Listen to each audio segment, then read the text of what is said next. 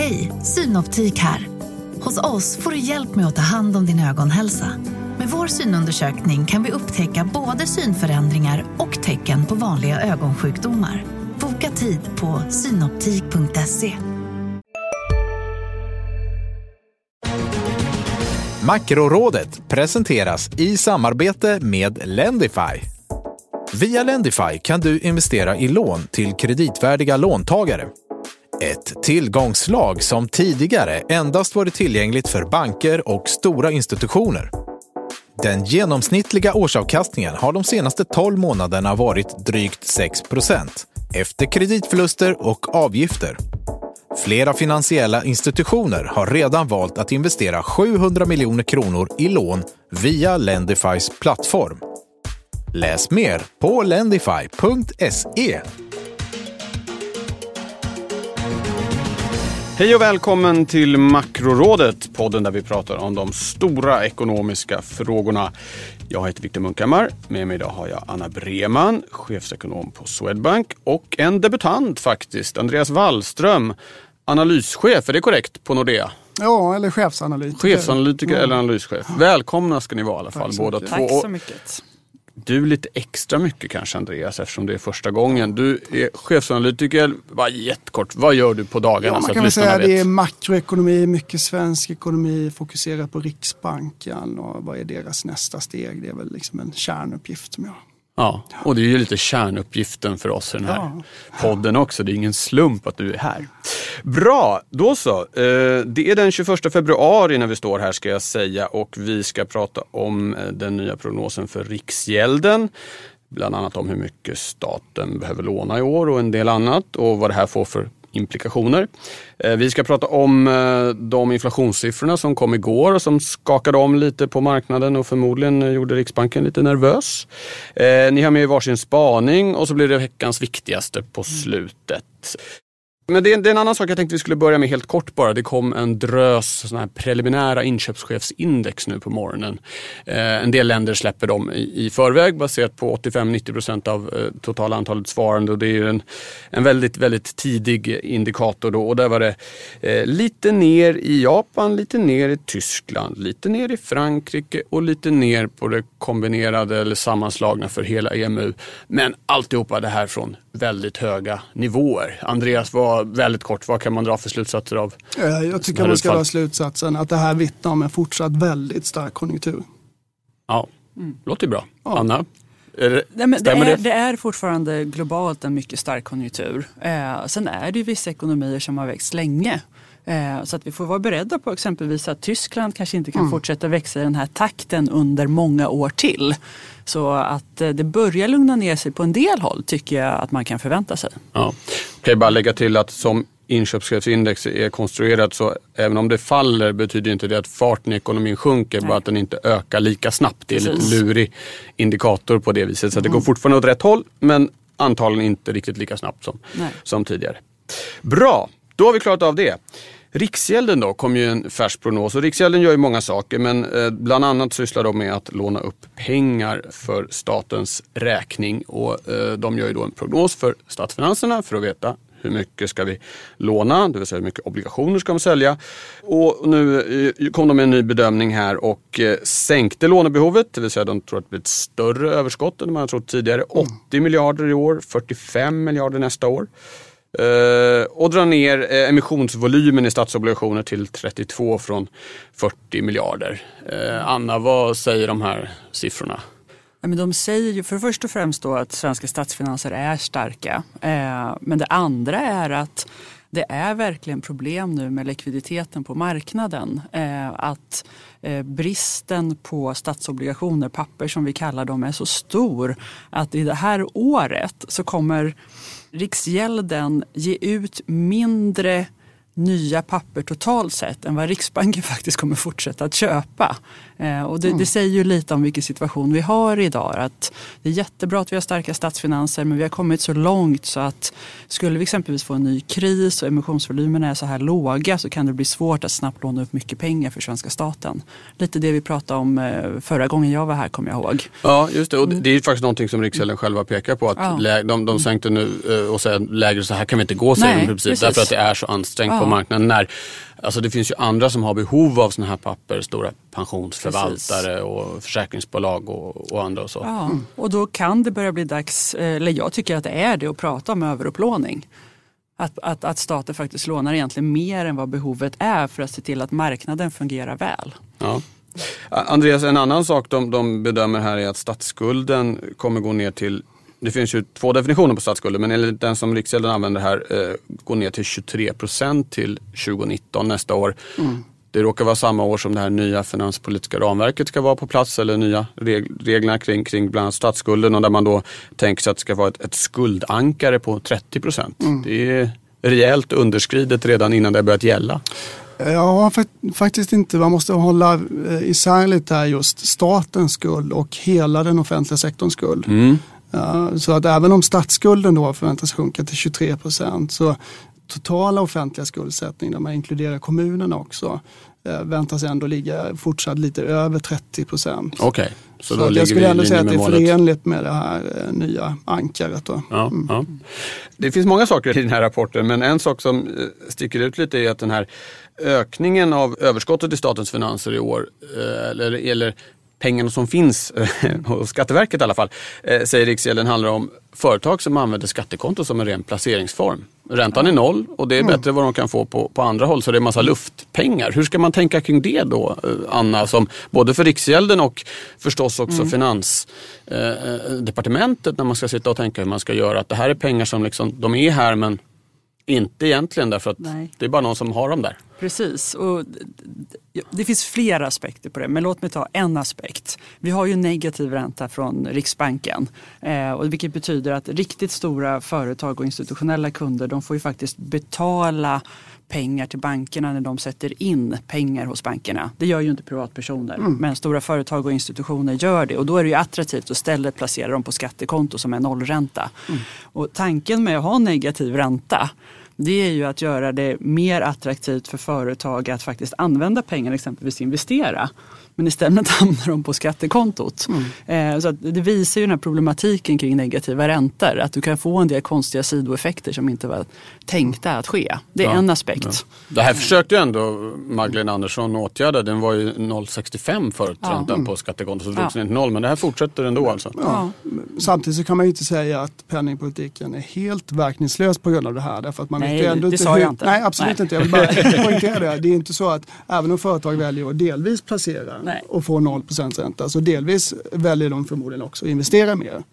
Så att, så, men det, ja. det, det, visar att den inte är lika effektiv penningpolitiken Nej. på de här låga nivåerna. Mm. Och den negativa räntan verkar väldigt mycket via växelkursen, ja, eh, vilket är en annan kanal. Ja. Men det bara visar att det blir en del kanske konstiga sidoeffekter som man mm. inte eh, inte var uppenbara när det infördes negativa räntor. Nej, just det. Mm. Som att peta in pengarna på skattekontot ska mm. vara en kanon, kanonplacering. Ja. Tack för det.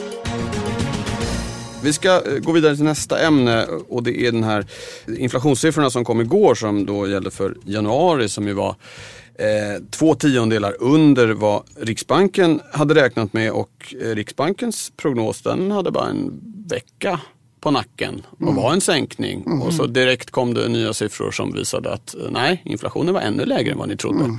Eh, Andreas, vad, hur reagerade du när de här eh, siffrorna kom? Ja, nej, men i, i min milda räntemakronördvärld så var det här en stor sak faktiskt. Det var en ovanligt stor eh, avvikelse från förväntningarna. Eh, kärninflationen i Sverige uppgår då till 1,5 procent.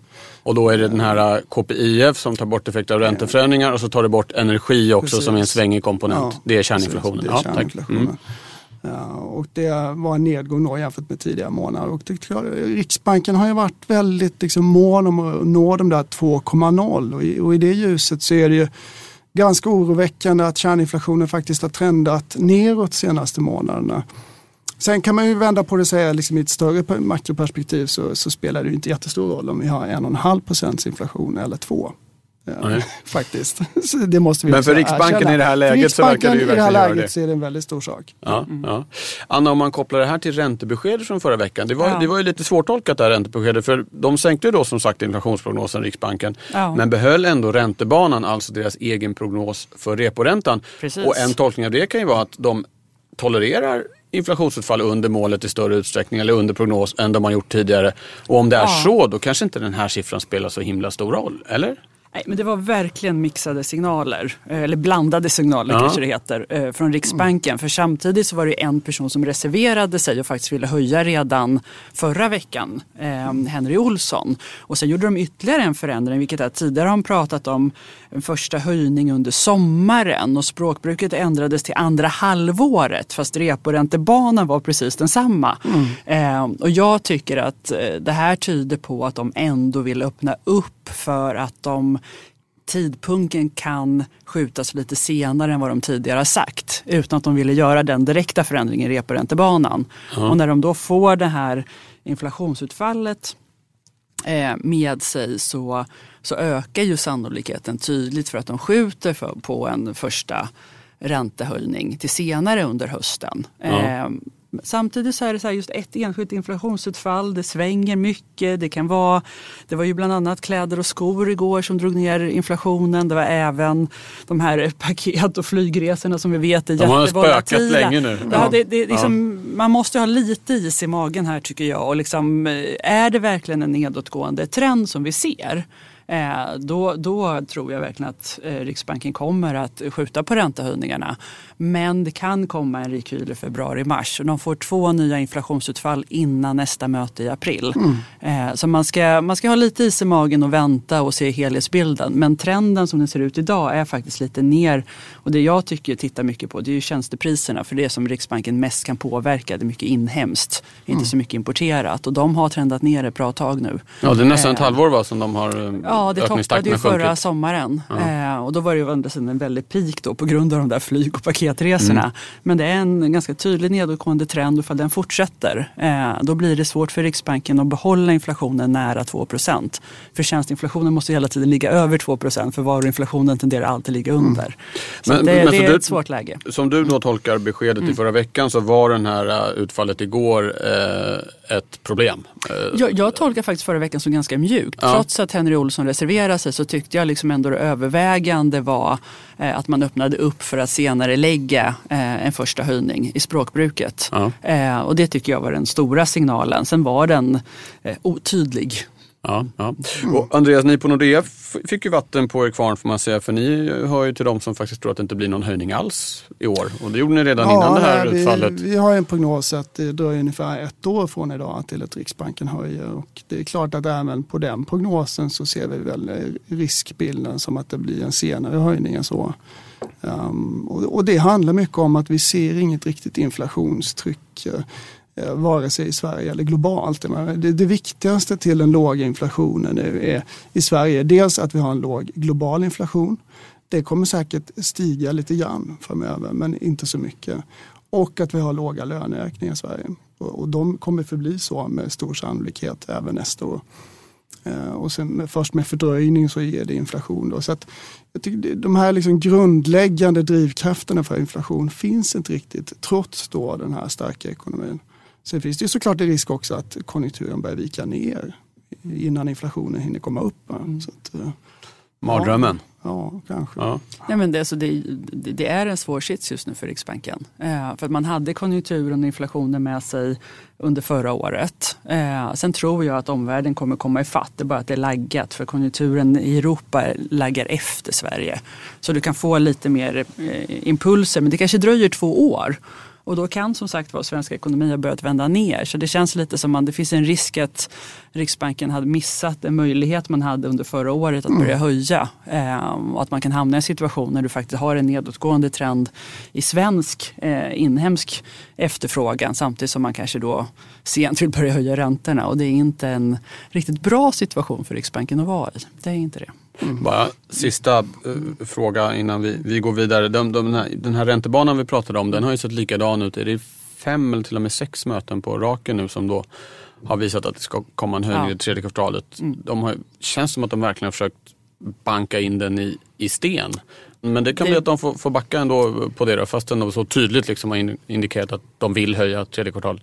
Ja, och då blir det lite konstigt egentligen för att en, en centralbank brukar ju inte höja räntan egentligen inflationen ska vara exakt 2% Man brukar ju höja när inflationen är på väg uppåt. Men som Fed har gjort Som Fed har höjt ja. fem gånger med inflationen under målet. Eh, så att Riksbanken har ju egentligen frihetsgrader och kan välja att liksom hänvisa till det övergripande ekonomiska läget och höja även om inflationen är 1,5 eller 1,7. Eh, men Riksbanken själva har eh, både committat ganska hårt till tredje kvartalet i år och till att inflationen ska ligga kring 2 procent. Mm. Vilket gör att nu hamnar de i ett dilemma. Vad kommer vara viktigast? De signaler de har skickat eller just att upprätthålla inflationen exakt på 2 procent?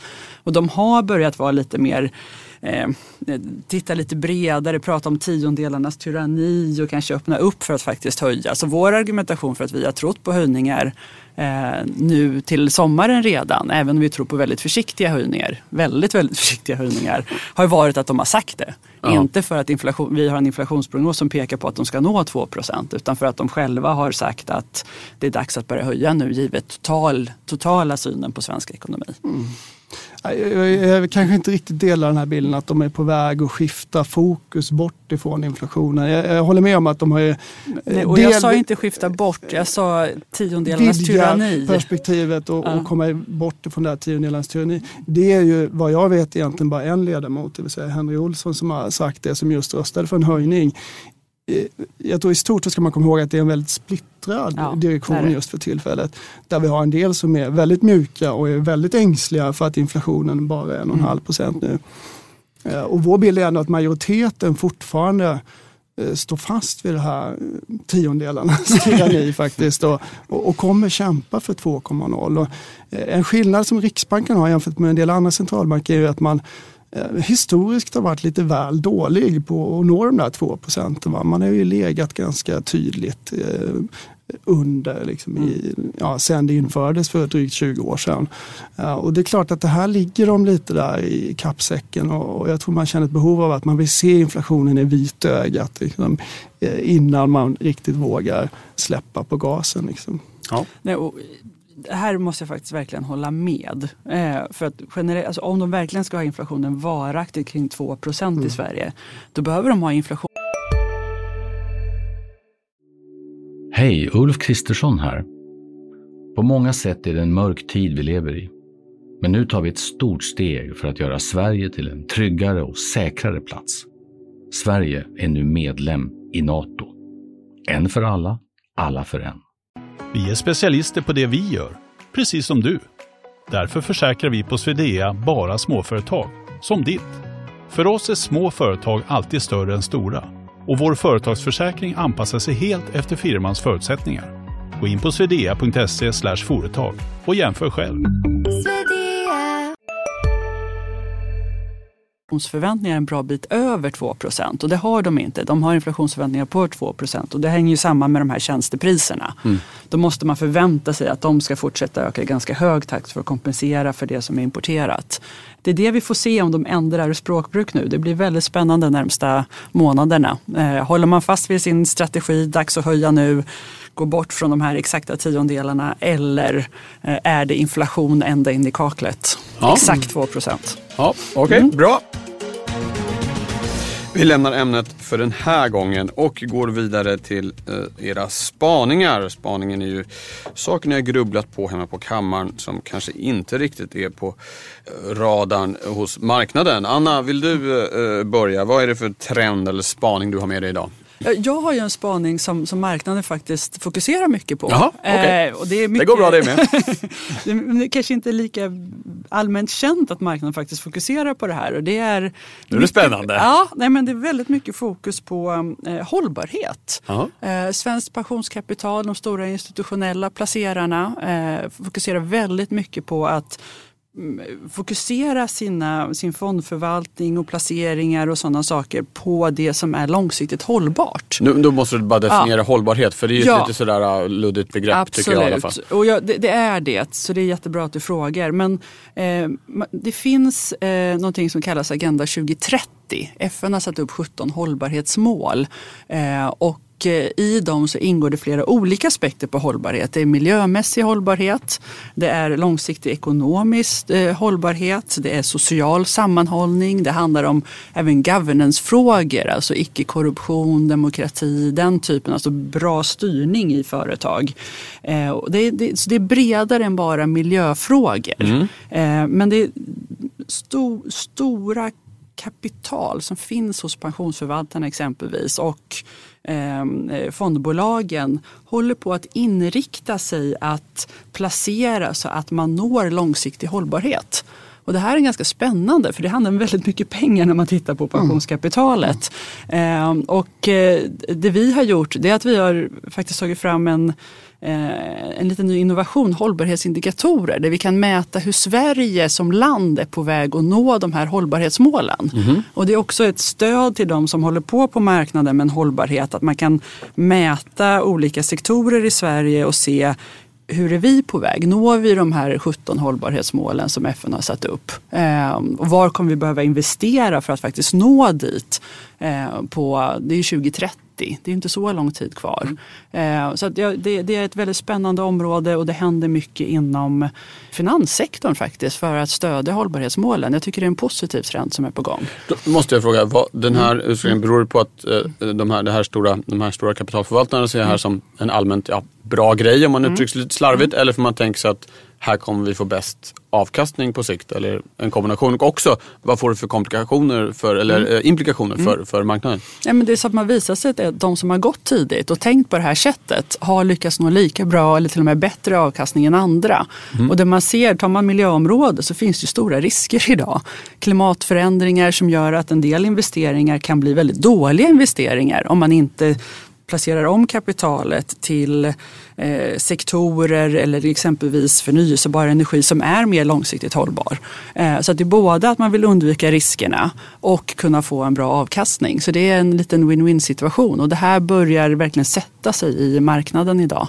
Eh, så det är en trend som är bra och det är väldigt viktigt för det finns andra negativa trender på det här området. Exempelvis eh, bakslag i USA eh, under Trumps regim när man exempelvis sätter tullar på solpaneler nu. Man har tagit bort eh, många av de initiativ som Obama gjorde för att eh, stimulera förnyelsebar energi exempelvis. Mm. Så att det behövs verkligen och det jag tycker är roligt att privata sektorn är med och driver åt det här hållet. Mm.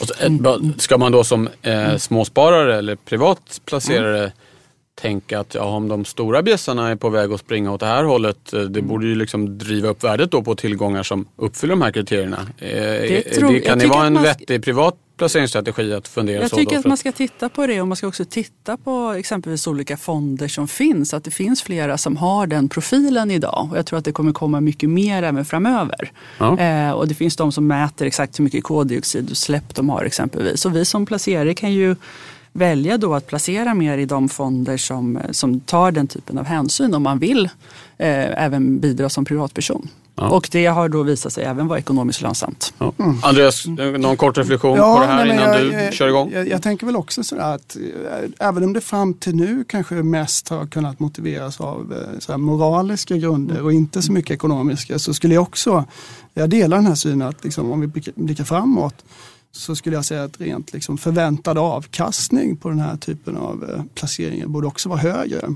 Eh, om man tror på att den här trenden med mer och mer kapital till de här tillgångarna kommer fortsätta. Mm. Vilket det ju inte finns något tecken på att det inte skulle göra. Så därför tror jag också på rent krassa ekonomiska grunder så, så, så, så talar det för den här typen av investeringar. Har vi fått ett placeringstips ja. i Makrorådet? ja, tror jag är första gången på jag vet inte hur många år vi har hållit på.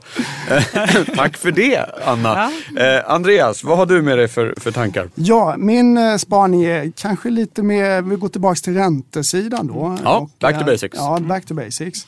Så är det så här att det vi har sett de senaste månaderna eh, är en ganska tydlig ränteuppgång globalt och också i Sverige. Eh, till exempel så de senaste 18 månaderna så har amerikansk tioåring, räntan på amerikansk tioårig statsobligation har fördubblats ungefär från 1,5 till 3 nästan idag. Mm. Eh, svenska tio, tioårsräntan har gått upp från 0 eh, till 1 procent knappt nu. En ganska tydlig uppgång här. Va? Och många har nu börjat prata om att nu är den här liksom 30-35-åriga trenden med sjunkande räntor över. Och vi står inför en period med stigande räntor. Eh, och det är jag lite skeptisk till. Jag tror det är för tidigt att ropa ut en sån lång trend. Eh, eh, och en, en orsak till att just nu att räntorna har gått upp det är just den starka konjunkturen. Man ska komma ihåg att just nu så lyser liksom alla stjärnor väldigt klart på konjunkturhimlen. Eh, det är, en fantastisk global synkroniserad uppgång vi har. Och det har såklart lyft tillväxtprognoser, det har lyft, inflationsförväntningarna och också räntorna. Då. Någon gång så kommer ju det här vända. Mm. Det vet vi inte riktigt när. Det finns inget tecken på att det ska göra det i närtid. Men om ett år eller två eller tre. Eh, och då kommer sannolikt räntorna falla tillbaka igen. Eh, sen finns det också en strukturell faktor. Det finns många strukturella faktorer som fortsatt liksom talar för låga räntor och de är kvar. De är liksom här för att stanna ganska lång tid framöver. Eh, och det bästa eh, forskningspappret jag har läst på området det är från Bank of England, det är två år gammalt nu nästan. Och det handlar om att det de har gjort i den här analysen det är att liksom förklara de senaste 30 årens räntenedgång Mm Eh, med demografi, inkomstojämlikhet, ojämlikhet, eh, de här kända faktorerna.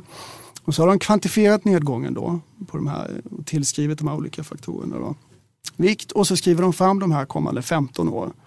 Var kommer räntorna landa? Och det de landar i är att räntorna kommer förbli på dagens nivå i 15 år till. Det är en ganska stor sak. Många har ju fortfarande, inklusive jag själv till exempel, och svenska bostadsräntor, en vy av att en normal bostadsränta är ändå lite högre än en och en halv procent eller en eller, eller vad dagens är. Men säg att det här är det nya normala, så säger räntor. Vilka konsekvenser får det? Eh, du kommer ju ha svällande balansräkningar. Det kan ju vara så att svenska huspriser är för lågt värderade i ett sånt här perspektiv och sådär. Det finns väldigt många intressanta aspekter på det här. Jag, jag tycker man jag ska inte glömma bort de här strukturella faktorerna, bland annat demografi, som faktiskt fortfarande talar för låga räntor. En del har ju tänkt att demografin faktiskt, eh, i takt med att folk blir äldre så sparar man mindre och så skulle det till minskat sparande, ökad konsumtion och högre räntor. Men eh, jag skulle säga att man har lite glömt bort en faktor av demografin här och det är att vi också har en mycket högre förväntad livslängd. Och den har ökat väldigt tydligt de senaste decennierna. Så att det har gjort att även äldre personer måste spara lite mer. När man nu går i pension va, så har man kanske 20-30 friska år kvar. Så det gör att hela det här sparandet i befolkningen kommer öka då och fortsätta att pressa ner räntor. Så jag slår ett slag för low for long i räntor helt enkelt. Jaha, okej okay, och att den här, det är bara det är en konjunkturell uppgång vi ser ja. snarare än en strukturell. Ja. Så att yes. trenden förblir densamma. Då. Jaha, mm. Intressant. Anna, du satt och viftade här nej, jag och vill bara, Jag tycker det här är jätte... Nej, jag, vill, jag vill, vill låta han äh, prata till punkt såklart. Ja det är klart, men, men sen vill du in och säga någonting. Ja. Det såg jag. Ja. Ja. Varsågod. Nej, men, men vi måste bara få säga att ja, men vi på Swedbank läser ju lite nyare forskningsrapporter än två år gamla.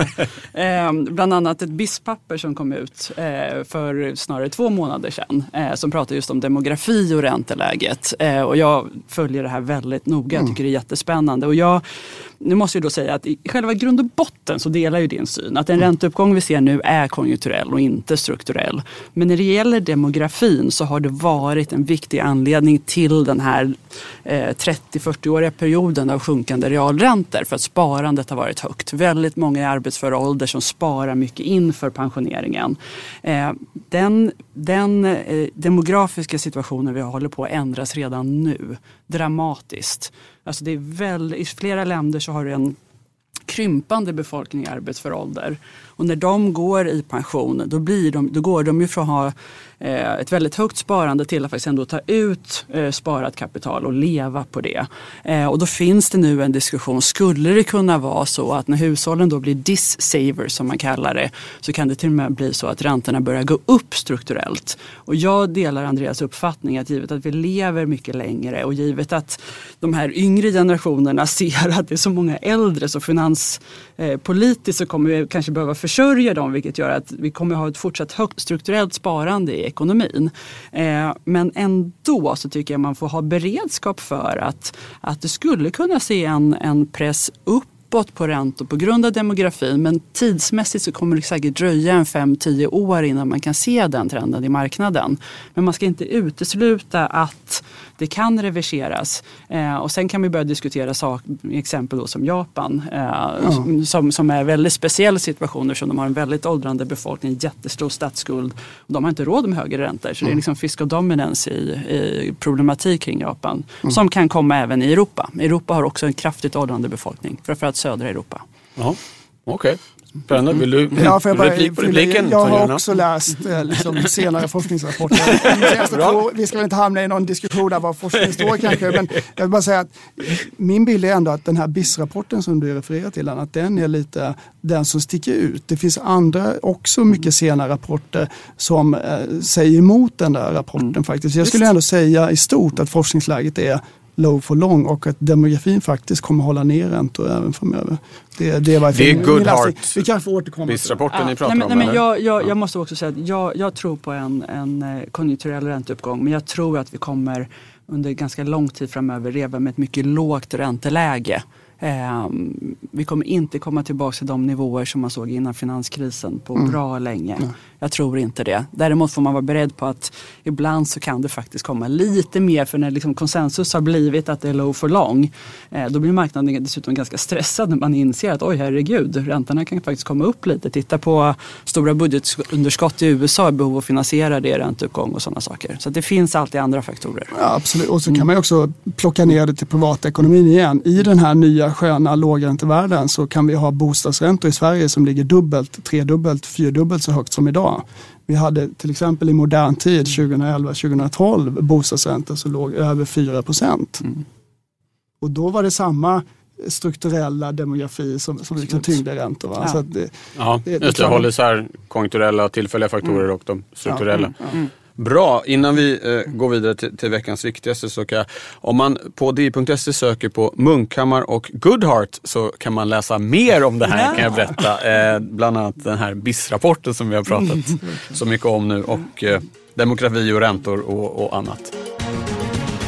Ja, eh, då tar vi den sista delen i programmet. Veckans viktigaste, nämligen vad är det man absolut inte får missa här den allra närmaste tiden eh, och vad kommer du titta allra mest på, Anna? Ja, eh, det som Andreas kommer att nämna snart, men även BNP. Svensk BNP kommer eh, den 28 februari eh, och det är då BNP-siffrorna för fjärde kvartalet 2017. Så vi får hela året 2017. Eh, och det är mycket som tyder på att, det fortfarande eh, har mycket, att vi fortfarande har en mycket god tillväxt i svensk ekonomi. Eh, industriproduktionen var exempelvis väldigt stark i slutet av förra året och hushållen såg också ut att konsumera i god takt. Eh, men det blir, det blir en bra siffra. Den kommer, det, det, säger lite om momentum nu när vi kommer in i 2018 här. Eh, ja. Men det laggar ju lite så det är i slutet av förra året vi får information ja, om. Det, men det är ändå viktigt för oss. Onsdag nästa vecka. Onsdag Andreas, nästa vecka. vad ja, kommer du absolut inte att missa? Det är väl egentligen två saker. Dels momentum i ekonomin så skulle jag snarast nästa vecka titta på Konjunkturinstitutets eh, barometer då för februari där man frågar mm. företag hur upplever ni läget? Det tycker jag är en bättre indikator på var vi står idag än BNP fjärde kvartalet. Ja det är ju laggat. Ja. Det är det. Eh, men den viktigaste saken eh, tycker jag ändå i Riksbankens eh, protokoll som publiceras på fredag. Eh, här eh, tycker jag det senaste beskedet vittnar om en ganska stor splittring och intressanta åsiktsskillnader inom direktionen som vi då kanske får ta del av då på fredag, vilket blir spännande. Ja, bra. Fredag den 23. Mm. Då tackar jag er två för att ni har varit här idag. Jag tackar dig som har lyssnat och jag eh, påminner ödmjukt om att det finns andra poddar från Dagens Industri. Exempelvis Analyspodden som kommer varje fredag där vi går igenom det viktigaste som har hänt på marknaderna under veckan. Förnuft och känsla som är en ledarskapspodd och förstås Digitalpodden som handlar om allt som händer i den delen av ekonomin. Makrorådet är tillbaka den sjunde i tredje och då är det Johanna Jansson som står på min sida bordet och så blir det ett tag. Jag ska vara föräldraledig nämligen. Eh, men vi hörs till hösten. Ha det så bra så länge. Hej hej! Makrorådet från Dagens Industri. Podden klipps av Umami Produktion. Ansvarig utgivare Lotta Edling. Makrorådet presenteras i samarbete med Lendify. Via Lendify kan du investera i lån till kreditvärdiga låntagare. Ett tillgångslag som tidigare endast varit tillgängligt för banker och stora institutioner. Den genomsnittliga årsavkastningen har de senaste 12 månaderna varit drygt 6% efter kreditförluster och avgifter. Flera finansiella institutioner har redan valt att investera 700 miljoner kronor i lån via Lendifys plattform. Läs mer på lendify.se.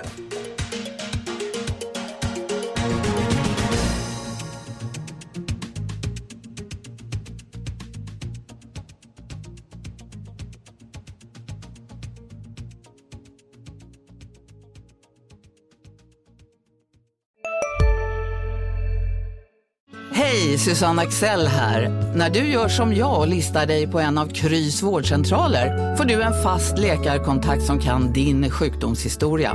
Du får träffa erfarna specialister, tillgång till lättakuten och så kan du chatta med vårdpersonalen.